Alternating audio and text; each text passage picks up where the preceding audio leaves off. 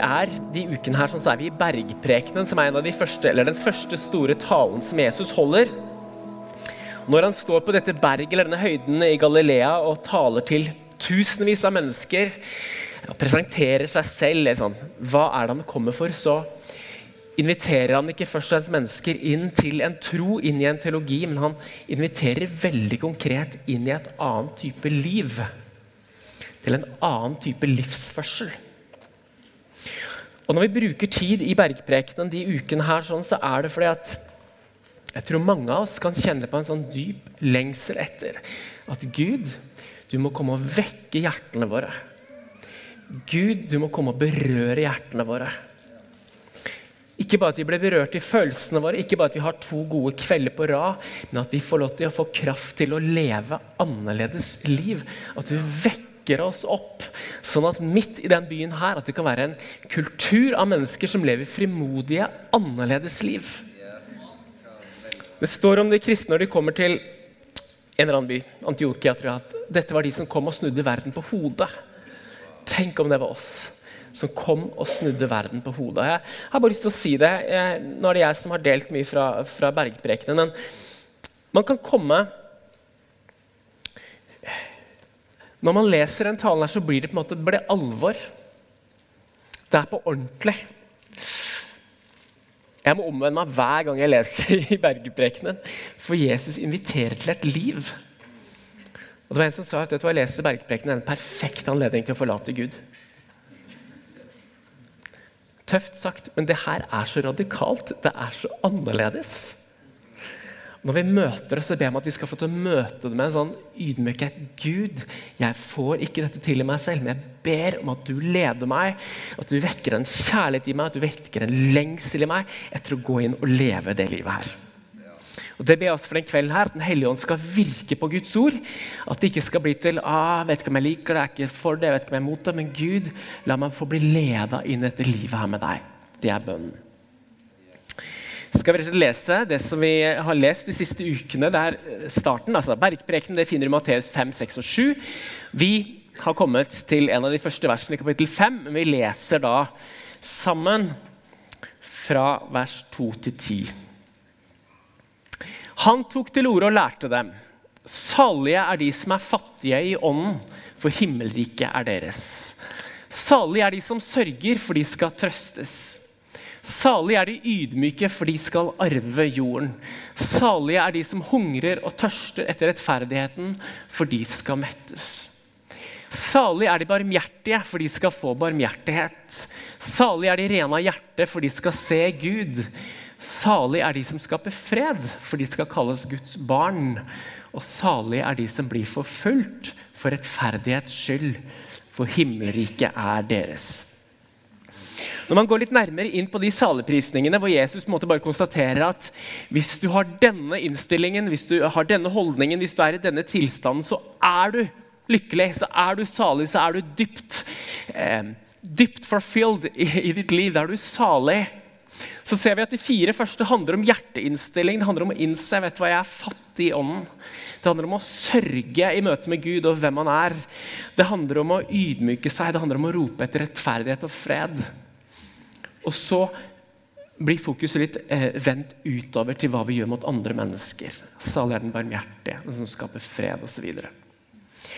Og så vet vi at I kapittel 4 så skriver Matteus at det kommer menneskemengder fra hele verden. Altså, de kommer fra nord, fra Damaskus, i sør, fra Jerusalem, overalt. De stimler sammen rundt Jesus fordi de er så spent på hva som skjer.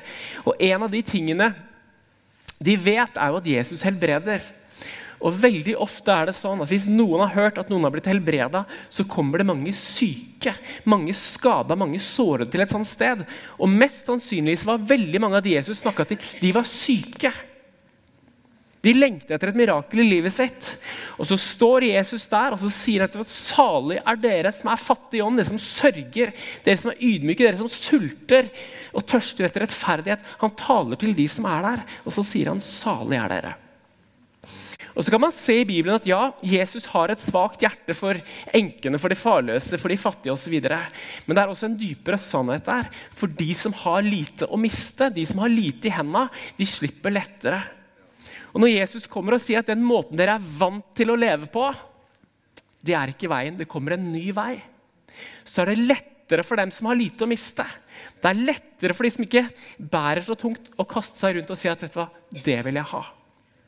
Og På samme måte på et åndelig plan så er det sånn at når vi kommer inn for Gud, kommer inn for Han og sier vet du hva, i meg selv så er jeg fattig i ånden.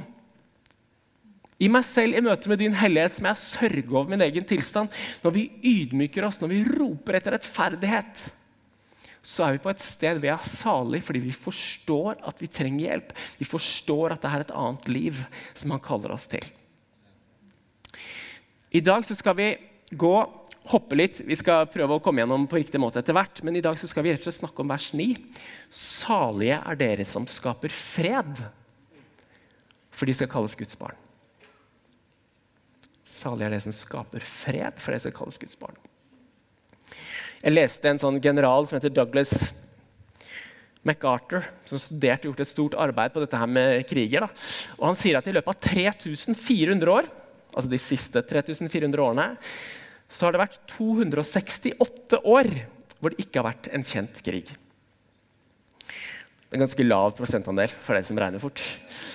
Og siden 1945 så har det vært 26 dager uten kjente kriger. Og Noen har sagt at uh, peace is the glorious moment in history when everybody stops up to reload. Altså, det er noe i oss mennesker som dras mot krig, mot strid. Det er bare å se rundt oss. Og Jeg behøver ikke å male bildet så veldig heller, for vi leser om det hver dag. Men i, på vårt kontinent så foregår det nå en krig. Det foregår krigsforbrytelser. Mennesker blir henretta. Eh, det bombes, mennesker dør, familier rives i stykker. Og så skriver vi 2023, og så ser vi det så nært på oss. Jeg driver og leser en bok fra, som handler om om borgerkrigen i Rwanda. Det er også bare ja, ikke lenge siden det skjedde. 900 000 mennesker ble drept i et folkemord i Rwanda. Og Der står det at de hadde så lite på, tilgang på, pistol, på, på våpen. så over, eller, Størstedelen av de som ble drept i den krigen mellom Hutsi og Tutsi, de ble drept med machete. Så de bandt opp mennesker i køer og fikk de inn og ble, ble drept én og én for hånd. Og Dette er ikke 1800-tallet eller 1600-tallet, dette er noen tiår siden. Og så sier Gud salig er de som skaper fred. Salig er de som går inn i disse områdene og stopper krig, stopper drap, stopper lemlestelser. Fører, fører fred frem. Salig er de menneskene. Så er det bare at det er så få av dem, det er så få av oss som, som er der. Men salig er de som gjør det. Hvis vi skal dra det litt nærmere, så kan vi si så vet vi om en annen type uro, en annen type ufred. Og det er den ufreden som mennesker i vår by, som mange i Vesten kjenner på. En eksistensiell ufred. Mennesker som lever livet sitt i uro, enten i krig med seg sjøl, i strid med andre. Og så får du så mange forskjellige utspring, om det er i depresjon og angst eller opprør og sinne. Så mange mennesker som ikke har falt i ro med seg selv. Og så sier Paulus det i Romerne 5 at når vi kommer til tro på Jesus Kristus, så får vi fred med Gud.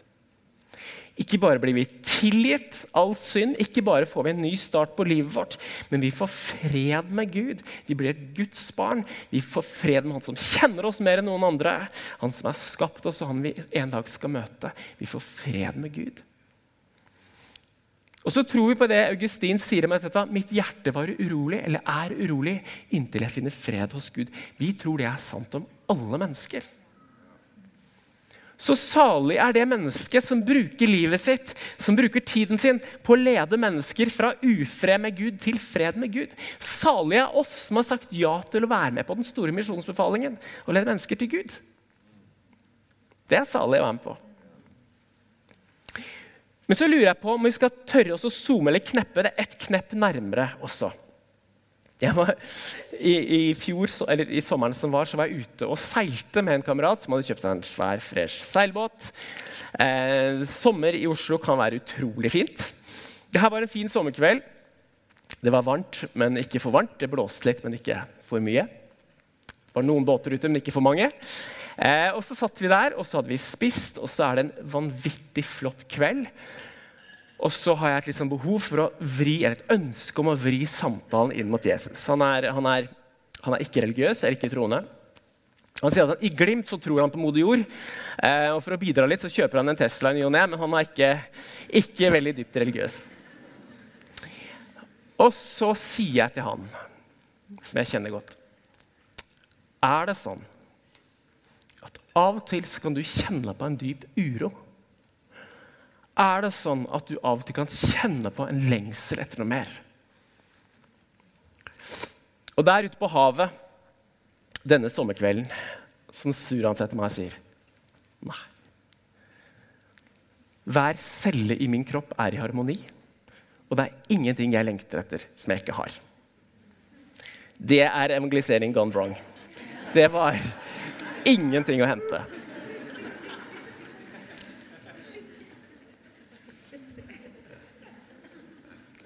Kanskje er det litt sånn, hvis det er nordmenn vi skal forholde oss til. da. De lengter til helg, de vet det godt vær.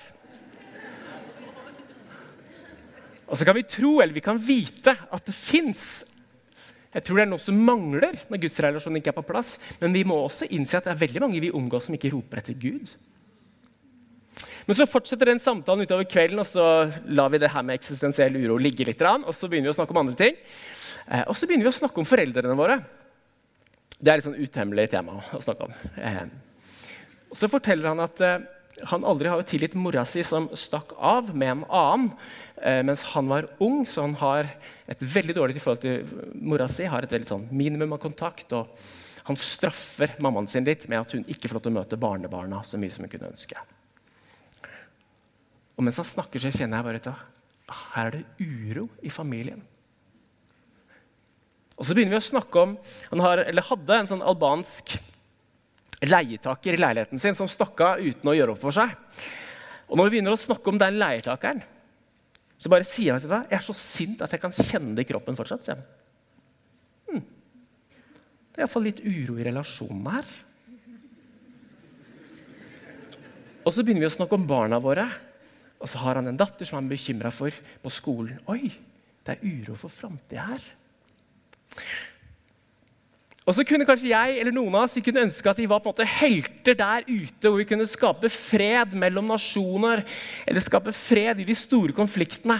Men så er det kanskje denne krigen, disse situasjonene vi er kalt til å være fredsbærere inn i.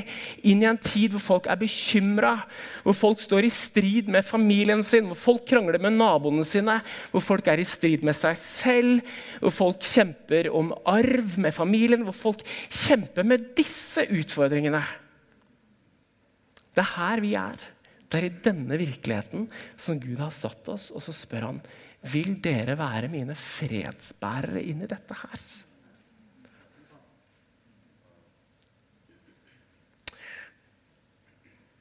Og så kjenner vi det igjen at det er en strid som foregår her inne av uro, og der ute av uro. Og så er det ikke bare sånn at, at bergprekenen inviterer til eller sier at strålende om dere skaper fred, men det gir også noen veldig konkrete verktøy for hvordan skape fred. Og disse verktøyene har vist seg gyldig i 2000 år. De funker hver gang. Men det er når vi plukker opp de verktøyene, at vi skjønner hvor annerledes det livet Gud kaller oss til, egentlig er. For en av de triksa i boka, en av de rådene, en av de veiene Jesus sier at vet du hva, hvis dere vil være med meg ut og skape fred, så hør på meg. I kapittel 5,43 så står det, sitter Jesus og så sier han vet du hva, dere har hørt deg sagt du skal elske din neste og hate din fiende. Og de bare ja, ja, stemmer det, vi har hørt. Høres bra ut. Men jeg sier dere, dere skal elske deres fiender.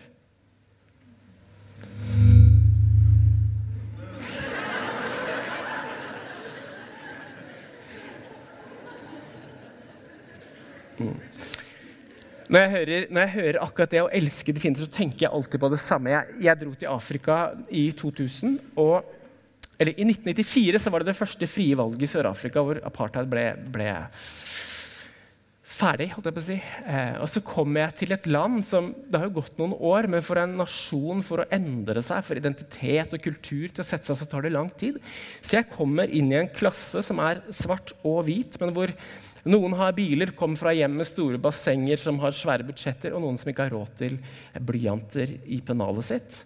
Eh, og jeg kommer inn i en stor klasse hvor disse har vært vant til å herske over disse, og disse har vært vant til å ikke ha noen ting, ikke kunne være på samme sted som de andre. Så du kommer inn i en veldig rar setting. Og så husker jeg en som heter Moses.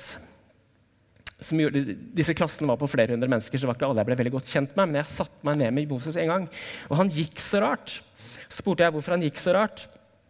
Eller spurte sikkert litt annerledes, men han fortalte at, at Håper jeg. Eh, men så forteller han at han sammen med faren har jobba på en farm oppe i eh, litt nord i Sør-Afrika, langt inne på bondelandet, rett og slett som slaver. Grunnen til at han ikke gikk helt vanlig med beina sine, var at han og faren hadde bodd inni en slags bod ute hvor han ikke kunne strekke ut beina kunne strekke beina om dagen, men om natta så kunne han aldri strekke ut beina helt. Og det hadde satt seg i noen ledd. Og når eh, det ble frie valg og apartheid ble oppløst, så var det ingen som fortalte det til dem. Så de ble holdt som reelle slaver langt over den tida det var lov, før det var noen som kom til denne gården og opp, oppheva dette her. Og det her er, Jeg er jo jeg er ikke eldgammel, og han er på min alder.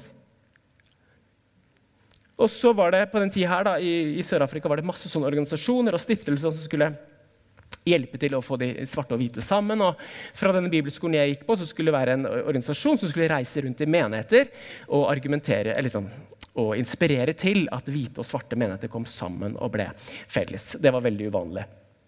Og Da melder han seg til å sitte i den komiteen sammen med to andre som jeg kjenner, to andre hvite, som kanskje var det litt sånn brautende slaget. Og jeg tenkte, hvorfor i all verden gidder du å bli med de på disse turene her? Så setter jeg meg ned, og det er samme gang så spør jeg bare hvordan klarer du å leve det på denne måten her? Hvordan klarer du å omgås og elske disse menneskene? Og så ser han på meg og så sier han bare Jeg følger jo Jesus. Jeg følger jo Jesus. Og så ble jeg så tatt av det svaret. Selvfølgelig. Du følger jo Jesus. Du elsker dine fiender. Det er jo en del av pakka, det her. Så blir det et sånn vagt ekko fra en mann som ble spikra på et tre for 2000 år siden. Og mens de hamrer inn spikerne, mens blodet spruter, mens smertene river i kroppen, så roper han 'tilgi dem', for de vet ikke hva de gjør. Gud som er kjærlighet i sitt hele vesen, er kjærlighet. Han klarer å se forbi disse soldatene og si at vet hva, jeg vet hvilken ideologi dere er trent opp i, jeg vet hvilke, den volden dere utøver, jeg vet at dere er trent i det, men jeg evner å se bak hjertet, og så roper Gud tilgivelse til disse gutta. Fordi at han ser livet deres, han ser hjertet deres, han vet at de er sønner, de er fedre, de er brødre. Og så evner Jesus der å rope ut Tilgi dem, far, for de her vet ikke hva de driver med. Det er å elske sine fiender. Og så kan det godt være at eh, Jeg håper nesten det, da. At det er veldig få av oss i det rommet her som har reelle fiender. Skal dere si aldri, men jeg håper det. jeg håper jo det. Men det Jesus tar tak i her, er litt mer grunnleggende enn det. Han, han går i rette med den tanken om at vi har rett til å begrense kjærlighet. Vi har rett til å holde tilbake kjærlighet. Han går i rette med den tanken at vi som har fått ta imot Guds kjærlighet, vi som har fått lov til å ta imot hans tilgivelse, at vi kan sette oss på bakbena og hindre den kjærligheten i å flyte videre. At vi som har blitt kristne og blitt en del av Jesu kropp, at vi skal kunne hindre Jesu kropp i å nå elske og berøre hvem som helst. Det er det Jesus snakker om. Så kan vi tenke ja, men jeg har egentlig et ganske sånn jeg har egentlig ganske sånn ryddig forhold jeg, til uh, de jeg ikke liker, eller um, Ja, det er ganske ordna. Men Jesus spurte oss jo aldri om å ha et ordna forhold til de som har tråkka på oss, baktalt oss, svikta oss, stått i veien for oss. Det var ikke det han spurte om. Han sa de skulle elske dem. Det er deilig å komme til denne byen her av mange grunner. Jeg elsker denne byen her. Det er jo litt deilig å komme hjemmefra òg. Og få familien litt på avstand. Slippe å se ekskjæresten noen gang igjen.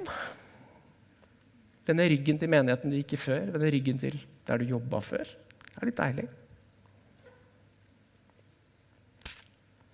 Og så er vi en kirke som tror på mirakler og under. Og akkurat i sånne situasjoner kan du ta valget om at himmelen kan møte jorda, i et himmelsk mirakel. Ved at du bestemmer deg at inn i de relasjonene som slår hat mot deg, så kan du velge å sende bølger av kjærlighet tilbake. Du kan velge å la det gode overvinne det onde. Og da kommer det et kaos som etter hvert kalles fred. Det er et mirakel. Når relasjoner blir helbreda. Jeg var hjemme hos et afghansk ektepar. Det er ikke sikkert jeg husker detaljene helt riktig, men disse kommer til tro ved drømmer på overnaturlig vis. De bor i Norge, bor i Groruddalen. De kommer til tro, og de blir da utstøtt av sine familier. Det er ikke bare sånn at det ikke blir så mye kaffeselskap lenger, men de får, de får, brev på at de nå er utstøtt, de er arveløse, de blir trua, og de blir holdt nede, de blir spytta på. og de må holde avstand fra sin familie, afghanere. Og så skjer det en del år ned gata at jeg tror at det er søsteren til mannen i dette ekteparet som vi snakker om, eh, som enten får sykdom eller død tett på seg. Og så velger disse dette ekteparet som har blitt holdt på avstand, som har blitt fraskrevet alt, som har blitt trua, tråkka på, spytta på, så velger de å dukke opp for å hjelpe denne søstera som nå har det vondt, som de har fått høre at har det vondt. Og så risikerer de at de bare smeller dør i ansiktet på dem, risikerer å bli ydmyka, risikerer alt. Men i det møtet, hvor de kommer med kjærlighet og ønsker å tjene inn i en sånn situasjon, så kommer det et hellig kaos av fred inn i den familien. Og i dag får de lov til å fortelle om Jesus og være tydelig og be inn i den familien igjen. Et fantastisk, fantastisk vitnesbyrd. Jeg har ikke noe sånt vitnesbyrd i mitt liv, men jeg Punktum. Men, men, men husk at jeg hadde en som heter Stian Ludvigsen her, som talte for et års tid siden. Han fortalte at han, noen hadde kommet og stjålet bilen hans. Eh, og så kjente han på at han skulle ikke ta bilen tilbake, han skulle la han få bilen. Og at han skulle få også det lydanlegget i bilen. Eh, og så kom jo han til tro, da. Så det ble en god historie. Så ble jeg så konvikt da jeg satt på det møtet. fordi at eh, For et år siden eller to så hadde vi spart opp penger. Vi skulle få lagt stein i oppkjørselen eh, der vi bor. Eh, men han som skulle komme og legge stein, han ba jo om pengene først. Og jeg tenkte yes, kjør på. Eh, og så kom jo han aldri tilbake igjen. Så jeg hadde hatt en litt sånn, eh, litt sånn torn i kjødet til han. Og jeg, jeg, jeg, visste jo hvor han bodde, for jeg oppsøkte han jo. Og der bodde det 13 andre mannfolk av hans størrelse og i samme geskjeft. Og jeg skjønte at det her var jo Eller jeg fikk høre andre at det var sånn de drev på. Rett og slett litt sånn dårlig business. Og så eh, ble jeg bare minna på når han sa at han tok bilen min og jeg ga han bilen min. Så jeg da, De tok penger fra meg. Nå skal jeg søren meg sende en melding eller ringe han og si at vet du hva, de pengene de skal du få. De skal du kose deg med. Ikke at han hadde tenkt å gi tilbake. du skal få dem. Eh, og så sender jeg en melding når vi kommer hjem fra møtet. Så sier jeg bare sånn Hei, hei. Eh, vi vet om den episoden, de 10 000 kronene, eller 10 000 som forsvant. Eh, jeg har bare lyst til å si at jeg tilgir deg det, og du trenger ikke å tenke noe mer på det. at jeg er ute av verden. Eh. så får jeg en melding tilbake som er litt sånn ah, ja, vi misforsto hverandre. Men takk. Og Men det var ikke poenget. Poenget var at jeg følte meg så salig etterpå. Jeg følte meg så glad. Og Han var jo ikke en fiende jeg hadde brukt mye tid på, men det var bare så deilig. Han Kompisen min han nevnte at han hadde en, en mor som han drev og plaga litt, eller eh, holdt nede ved at hun ikke skulle få lov til å, å møte barnebarna så ofte. Utrolig smertefulle sånne dynamikker. Er det folk du holder litt nede? Er det folk du omgår som du vet at egentlig har lyst til å være nær deg? Folk du ikke svarer som du vet at egentlig har lyst til å løse opp noen relasjoner dere har hatt? Jesus kaller oss til å bære fred. Og en av de utfordringene de handler om å elske våre fiender. Og Hvis Gud minner deg om det, så tør han ta tak i det. Et annet verktøy Lever dere? Jeg tror det er den stilleste forsamlingen på år og dag. Det her er ikke sånn morsom preken. Det her er uh, rett på sak. Men det er bergprekenen. Det er Jesus. Um, ja. Så det er bra for oss. Et annet ting som Jesus sier i bergprekenen, er, handler om dette med ord. Kapittel 5, vers 22 så sier Jesus, og de hører Vet du hva? Det sier eh, eh, ja, det, er, det er sagt dere, dere skal ikke slå i hjel. Men jeg sier dere, litt sånn fritt oversatt, dere skal ikke engang kalle noen for en idiot.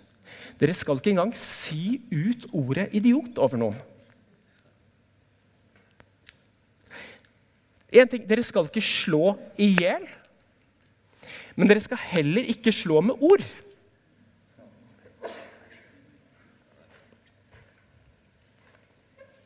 Det er ikke ufarlig med vold, det er, det er, farlig med våpen. Men i forhold til ord Ord kan sette i gang kriger. Ord kan sette i gang folkemord. Ord kan sette i gang vanvittig vonde ting. Samtidig kan ord komme med håp og legedom. Ord kan komme med kjærlighet, med commitment. Ord kan skape, skape det vakreste som fins.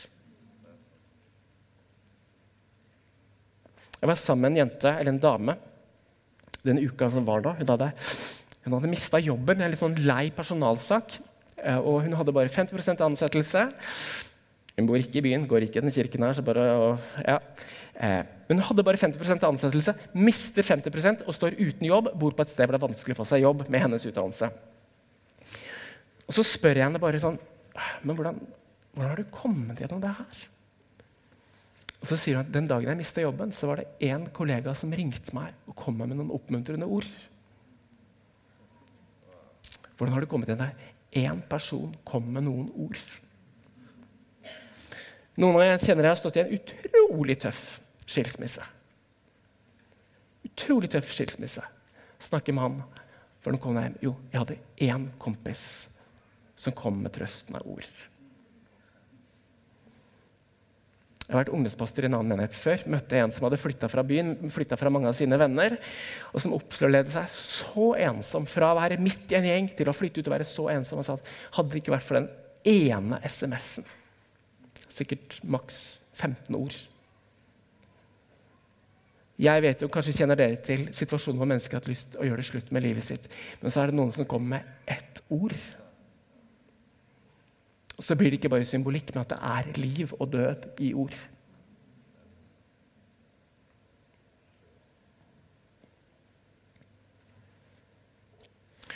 Og så kaller Gud oss til å være skape fred. Det er interessant at når Jesajas, kanskje den største profeten i Det gamle testamentet, blir kalt Du kan lese om det i Jesaja kapittel 6. Så står det sånn at han ser Gud i et voldsomt syn. Den bare har slått han helt ut. Han ser Gud foran seg. Og Når han ser Gud, så faller han helt sikkert på ansiktet. Men det første som slår han, er 'Kjære Gud, jeg er en mann med urene lepper'. Kjære Gud, hvis du kaller meg til å tjene deg Det første vi må ta tak i, er mine ord. For jeg har såra så mange underveis. Jeg har en sarkasme som har skada så mange underveis. Jeg har sagt så mange stygge ting. Og jeg kommer fra et folk som sier så mye stygge ting. Gud, du må helbrede min munn. Er ikke det interessant? Gud kunne sikkert rørt ved tankene hans, ved hjertet hans. Vet du, Gud må røre ved min munn, med mine ord. Ellers kommer jeg til å skade folk. Og så vet jeg at Gud kommer og rører ved hans munn. Og Fram til i dag så er det få som har gitt så mye trøst og håp og tro til mennesker som Jesaja, som har blitt lest i tusenvis av år. Og Kanskje er det en bønn vi også skal ha Gud. Jeg ber om kraft. Jeg ber om vi skal få lov til å se flere syke helbreda. Fikk høre Forrige lørdag var det to stykker som ble helbreda når de var på, på Stovner. Fantastisk. Jeg ønsker å se mer av det. Men Gud, jeg lurer på om du også må gjøre noe med min munn. Jeg lurer på om du må gripe inn og gjøre noe med min munn. Aristoteles sa at tungen er som et ror på en stor båt. En, en liten sak, men som kan styre et helt skip. Og det gjentar Paulus. Han sier akkurat det samme. Tungen er som roret på et stort skip. Et lite lem, men det kan så, sette retningen. Det kan skape så mye kaos eller det kan skape så mye godt. Paulus skriver at tungen er som bisselet i munnen på en hest, som du kan styre. Og Sånn er det du kan høre hvordan mennesker snakker. så er det nesten som de profeterer over seg selv. Hvis det bare er nederlag, det er frykt, det er utforbakke, så kan hende du gjenkjenner det i livet. Hvis du har tro, hvis du har litt håp for framtida, hvis du tror du fikser det, så kan du se spor av at det skjer i livet. For ordene kan sette retning. Da er det interessant å høre hvordan Jesus bruker sine ord. Eh, det kan sikkert komme på mange mange situasjoner hvordan Jesus taler til mennesker. Hvordan han alltid taler liv, alltid, alltid taler helbredelse. Jeg har lyst til at jeg skulle få opp én tekst. Jeg vet ikke om du fikk den, fra, fra Johannes 1. Vi har en gutt som heter Nathanael. Jeg elsker det her. Det er kallelsen av disiplen disippelen Nathanael. Vi er et godt stykke ut i kapittel 1. Ja, 47. Jesus så Nathanael komme gående og sa, 'Se' Der er en sann israelitt, en som er uten svik. Han tok til orde og lærte Sa aha, ok, vi stopper der. Vi kan godt stoppe der. Jeg kan heller fortelle litt mer uh, historien rundt. Philip har truffet Jesus. Uh, Philip har fått tro for at Jesus er Messias, Guds sønn. Og Nå går Philip og forteller det til sin venn Nathanael. Nathanael sier kommer det noe bra fra Nasaret, kan ikke tro på det. Men så lysker han ut fra busken han sitter, og så ser Jesus Nathanael på lang avstand. Og så lyver ikke Jesus. Så han sier kanskje ikke at du ser ut som det mest oppvakte, smarteste og det kjekkeste mennesket jeg noen gang har møtt. Det sier han ikke. Og det er ikke sikkert det var sant. Men det han sier, han skanner etter og ser noe som kan løfte det mennesket opp. Noe som er sant om det mennesket. Og det Jesus ser, at i denne mannen så er det et hjerte som er helt rett. Her er det en mann som er uten svik. Det, står at han satt under et tre. Det kan godt hende han var sløv, ikke skulle vært der. Godt hende han satt der og røyka. Vi vet ikke. Men Jesus fant noe som var godt. Og så vet du, du er en, du er en mann uten svik i hjertet. Det ser jeg. Og Så skjer jo dette her, at Nathanael gjenkjenner at det Jesus sier, er sant. Han har kanskje aldri tenkt på det før, men jo, når du sier det, det er sannheten om hvem jeg er. Og så vil Nathanael komme nær den personen som minner han om hvem han er, for å bli den han blir minnet om at han er. Og Så klarer ikke Nathanael å holde avstand, så han blir med Jesus for å bli minnet om hvem han er, sånn at han kan bli den han er så blir Nathanael en av de apostlene som vi bygger denne, ikke denne, som vi bygger den kristne kirke på. Og Vi vet ikke veldig mye om livet hans, men han fikk lov til å spre Guds rike mest sannsynligvis i retning av India etter at, etter at Jesus for til himmelen. Akkurat som Jesus ser noe godt og løfter opp, sånn kan vi også bruke våre ord til å løfte mennesker opp, minne dem om hvem de er. Det er så kraftfullt. Det er så kraftfullt. Det var en som kanskje du er her nå, som bare fortalte meg at han hadde kommet inn hit alene for første gang for ikke veldig lenge siden. Det første som skjedde, var at noen kom bort og oppmuntra ham. Og det hadde gjort så inntrykk på ham så at dette må være mitt sted, dette må være mitt hjem. Vet du hva? Om du hilser på noen, om du kommer med en liten oppmuntring i kveld til noen, det kan bety så mye. Så kan det høres litt sånn overfladisk ut. Ja, oppmuntrende. Det handler om å tale sannhet ut. Fordi vi trenger å høre sannhet. Vi hører så mye løgn. Vi trenger å tale sannhet ut, løfte hverandre og si det som er sant om hverandre. Det er å skape fred. Men hvis vi skal kunne gjøre det, så må vi også vite hva er det Jesus taler over oss. Hvilke ord er det Jesus gir til oss? Vi kan ikke løpe rundt halshåret, halvskada og prøve å være god mot alle andre. Gud, gjør meg hel. Hva sier du over meg? Jeg spurte Gud senest i dag tidlig. Gud, hva sier du over meg?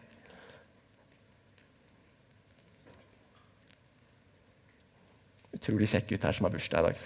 Som kommer løpende. Eh, hva sier du over meg? Hva sier du over oss? Vet du, Da ble jeg leda til Jesu dåp. Jesus går ut i vannet og blir døpt, og så kommer det en stemme fra himmelen som sier Se, min sønn, den elskede som jeg har behag i. Og så tenkte jeg at det var litt voldsomt. Så står det at på samme måte som Gud elsker Jesus, så elsker Jesus meg. Så jeg kan ta de ordene til meg. Så kan du ta de ordene til deg. At Carl eller Lisa eller Thor, mitt elskede barn, som jeg har behag i, det er hvem du er. Og Hvis vi skal gå med legende ord ut til andre, så trenger vi å bli lega av Guds ord over våre liv. Kanskje er det blitt sagt så stygge ting over ditt liv at det preger livet ditt fortsatt. Eller kanskje sitter du her for at det kom noen gode ord på riktig, riktig tid i livet som gjør at du faktisk sitter her i dag. Vi er kalt til å bringe fred inn i den situasjonen vi lever i. Inn i de relasjonene vi er en del av. Og Hvis vi skal kunne gi disse gode, sanne ordene, så trenger vi å ha tatt imot selv først. Jeg tror at Noen trenger å bare tro på det. At Hvis faren din ikke har sagt det til deg, så la Gud si det til deg. Du er min sønn eller du er min datter, den elskede, som jeg behager.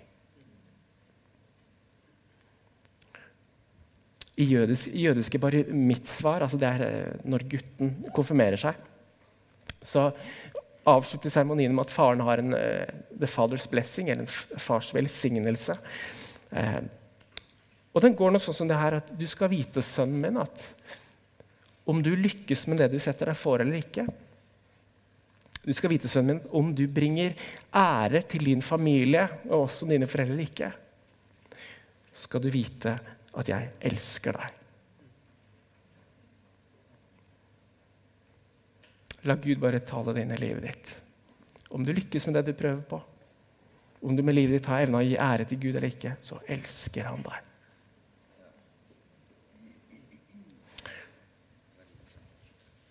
Gud taler til oss om å elske vår neste. Han taler til oss om å, å bruke ord til helbredelse. Og så sier han også en ting til som vi allerede har berørt mange måter. Men jeg har bare lyst til å si det eksplisitt også. Gud kaller oss til å tilgi. Det er helt umulig å gå gjennom det livet her uten å bli skuffa, uten å bli såra, uten å bli tråkka på. Jeg har i hvert fall ikke møtt noen. Jeg tror ikke jeg kommer til å møte noen heller. Det er sånn livet er. For noen så har det vært sånne små bulker i veien eller små dumper. For andre har det vært ting som har vært så krevende, og som har definert livet ditt. Vi har alle sammen blitt såra. En som heter John Bevere, en forkynner og forfatter. Han har skrevet en bok om bitterhet. Han sier at det fins ingenting som holder så mange mennesker fanga. Det fins ingenting som skaper så dype kløfter mellom mennesker. Det fins ingenting som røver og ødelegger flere vennskap enn bitterhet. Og jeg tror han har rett. Og så er det sånn at Jo nærmere relasjonen er med den du er bitter på, jo sterkere, hardere og verre er det. For å dra det langt så er det sånn at hver gang det er et mord Jeg har spurt broren min om, Det første man sjekker, er familierelasjonene.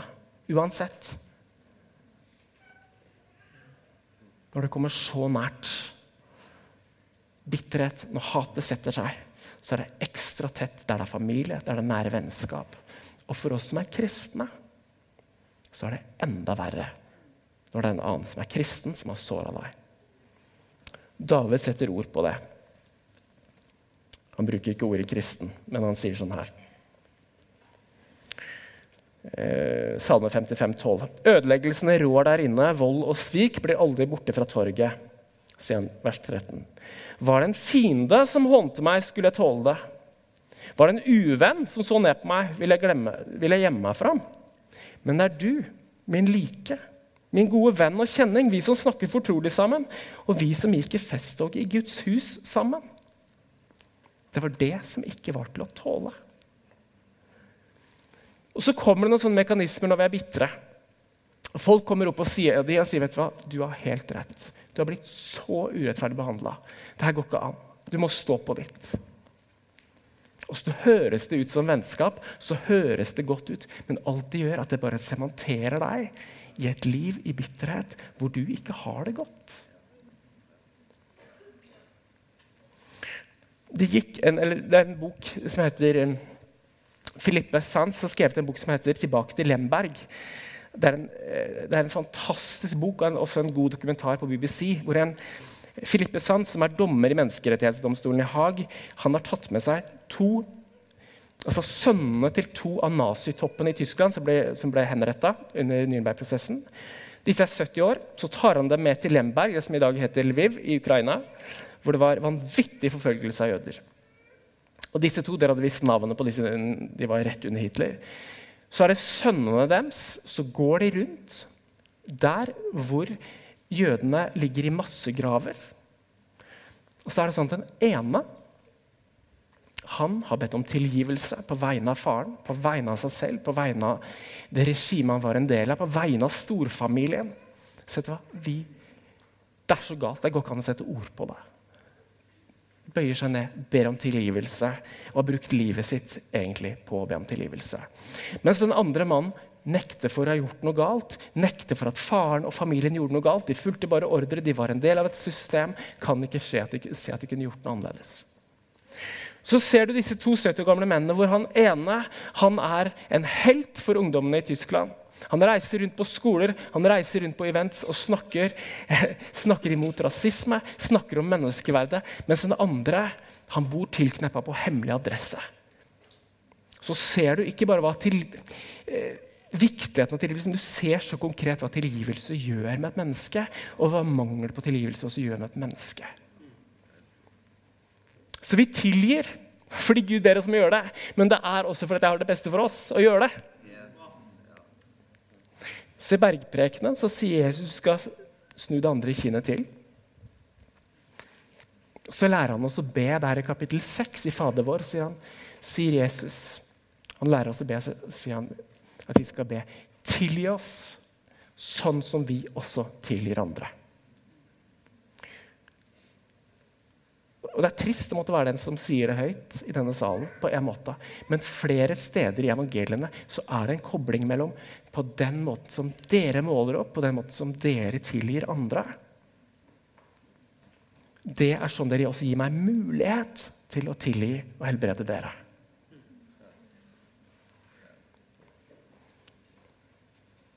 Når vi er kalt til å bære fred og spre fred så har vi fått en ganske krevende verktøy i hånda. Elske våre fiender.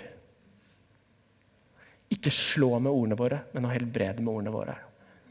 Men også det å tilgi.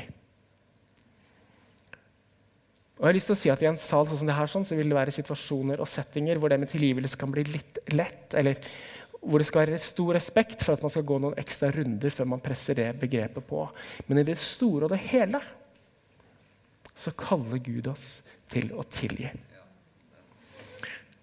Og Jeg skalv litt på hånda før jeg gikk opp i dag, for jeg opplever at i møte med bergprekenen så kan man velge å si ja, dette tommel opp, dette er bra. Sånn vil vi ha det. Eller så kan man si ja, dette rammer meg, men jeg tror det er sant. Og jeg tror jeg gleder meg til tida som ligger foran. Vi skal ha tider av mye lovsang og bønn framover. Vi opplever allerede at Gud gjør veldig mye veldig mange mennesker. Det er mye sult i forsamlingen vår.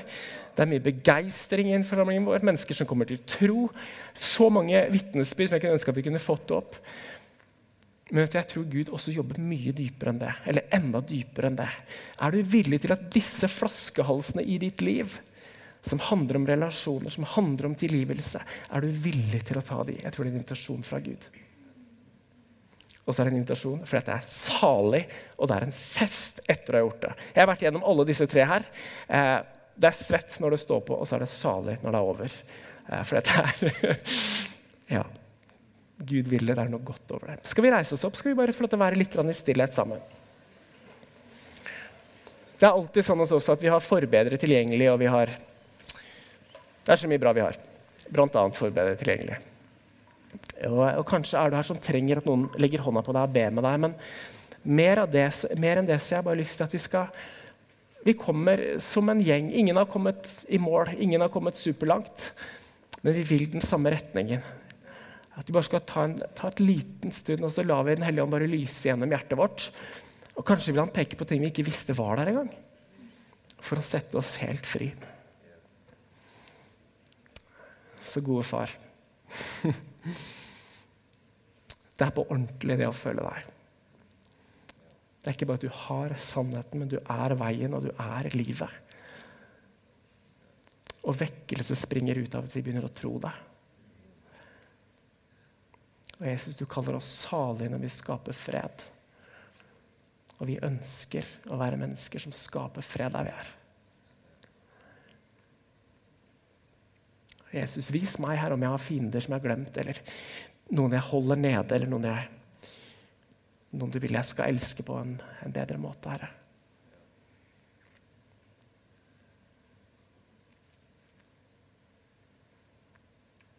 Kom Helligånd og minn oss på det om det er ord som er sagt ut eller ropt ut, som vi skal be om tilgivelse for.